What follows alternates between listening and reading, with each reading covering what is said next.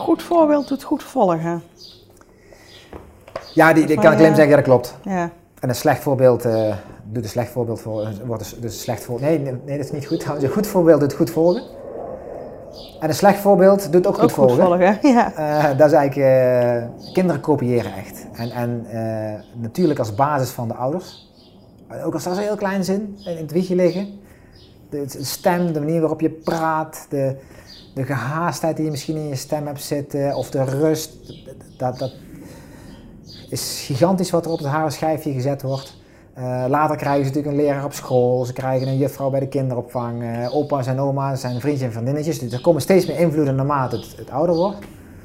Maar die basis uh, zijn wel de ouders.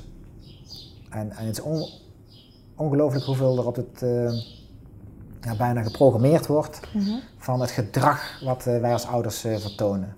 En dan kom je weer terug op, we kunnen nog zoveel zeggen, maar als we ander gedrag vertonen, kinderen zien en kopiëren dat tot in de grootste details uh, soms. Dat je echt denkt van, hè?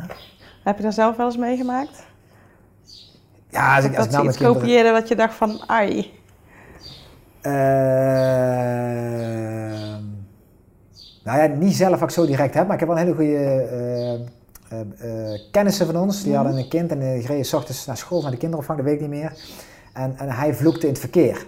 Oh ja. En ik zal het woord niet gebruiken, maar dat woord heeft die kleine, en die begon net te leren praten, de hele dag herhaald op de kinderopvang. en dat was voor die, die persoon een erg snelle en goede leerschool. Ja, ik, ik, moet op gaan letten met wat ik zeg. Uh, want daar, daar begint het als eerste mee, dat kinderen de ja, dingen, dingen nazeggen en de woorden gebruiken die je als moeder of vader gebruikt in, in situaties die, waarbij de emotie wat verschillend is. Ehm, ja, en voor de rest zijn er ook dingen waarvan ik denk, die zouden ze meer mogen doen, waarvan ik denk dat ik ze doe. Maar ze hebben niet alleen mij als voorbeeld, hè. ze hebben natuurlijk ook nog familie, vrienden en ja. Ja, dat, precies. het is geen exacte kopie.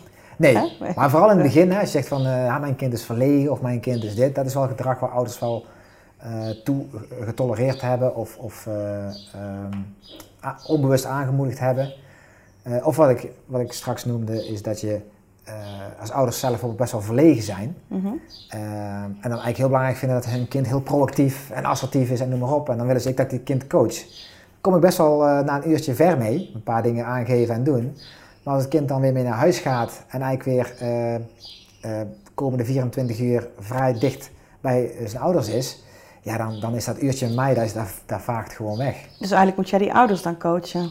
Ja, dat is ook degene wat ik uh, uiteindelijk vrij snel na een half jaar coachen dacht ik, wacht even, de voorwaarden is dat ik nog kinderen coach. Van dat deed ik toen een beetje onder het mom van de stichting.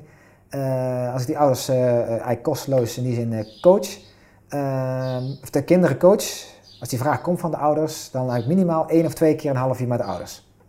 En, en als ouders zeggen, ja nee, maar het is echt hij of zij en ik heb daar zelf nodig, nou, dan doe ik het niet, want het heeft geen zin. Ja. En 9 van 10 keer was met de ouders vooral de taal over het woord niet anders gaan gebruiken. Dus veel meer aangeven aan kinderen wat uh, ze willen. Een van de dingen die ik altijd tot sprake kom met zo'n half uurtje ouders, is stel, als je een vraag stelt, mag een kind antwoorden.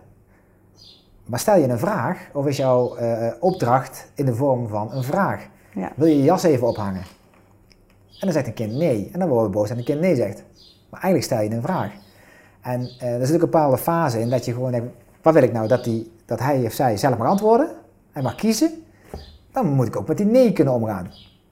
Wil ik dat het kind gewoon zijn jas ophangt en je zegt gewoon uh, hang je jas op, dan zul je zien dat kinderen dat vrij snel doen. Of eigenlijk meteen doen. Maar heel vaak als kinderen niet goed luisteren en je wordt bewust van wat je eigenlijk gezegd of uitgezonden hebt, dan is het vaak een vraag.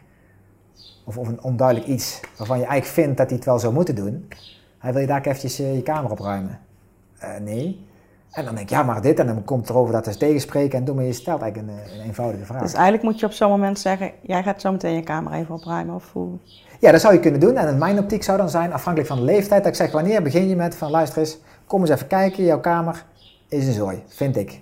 Wat gaan we dan mee doen? Of wat spreken we af? Of, want, want 9 van de 10 keer zeggen we het op het moment dat het kind of de, de, zoon of dochter helemaal niet aan toe is om zijn kamer op te ruimen, of het niet in zijn hoofd in de agenda plaatst of doet. En, maar wij vinden op dat moment, dan kijken we en dat dat moet gebeuren. Dus ook daarin is weer een stukje afstemmen. Mm -hmm. uh, best wel belangrijk. En op zo'n moment een deadline aanhangen, zou je dat doen of zou je dat juist niet doen? Uh, ja, dat is een hele, hele mooie methode om in ieder geval uh, ruimte te geven. Ja. Um, hoewel, ik geloof, ik weet niet hoeveel procent, maar het grootste deel van mensen doen het op de dag van de deadline pas het ding dat ze moeten doen. Dus het is vaak ook uitstellen. Ik, ik zou dat afstemmen met de persoon. Uh, mijn zoon zou zeggen, nee, geef maar gewoon aan. En dan de deadline is vanavond. Ja. En mijn dochter zou veel meer een week willen. Dat, dan kun je dat deze week regelen en doen. En ik heb zelf wel geleerd dat het niet handig is als het om huistuin en keukendingen is. Uh, behalve een keer dan de tafel afruimen. Of als stel voor dat ze het pak hagelslag geknoeid hebben, dan zeg ik, uh, ruim dan nu even op. En niet, Ja. uh, wil je dat even opruimen? Volgende week, ja. En dan doen ze dat straks wel, maar straks zijn ze het vergeten, want ze zitten boven op een kamer. Maar als je daar als ouder wat bewuster op, wat wil ik nou eigenlijk? Moet dat nu gebeuren? Ja, en waarom eigenlijk? Van, nou, het wordt gewoon een zooi, de mieren komen binnen of whatever. Dan heb je ook al meer draagkracht om aan te geven.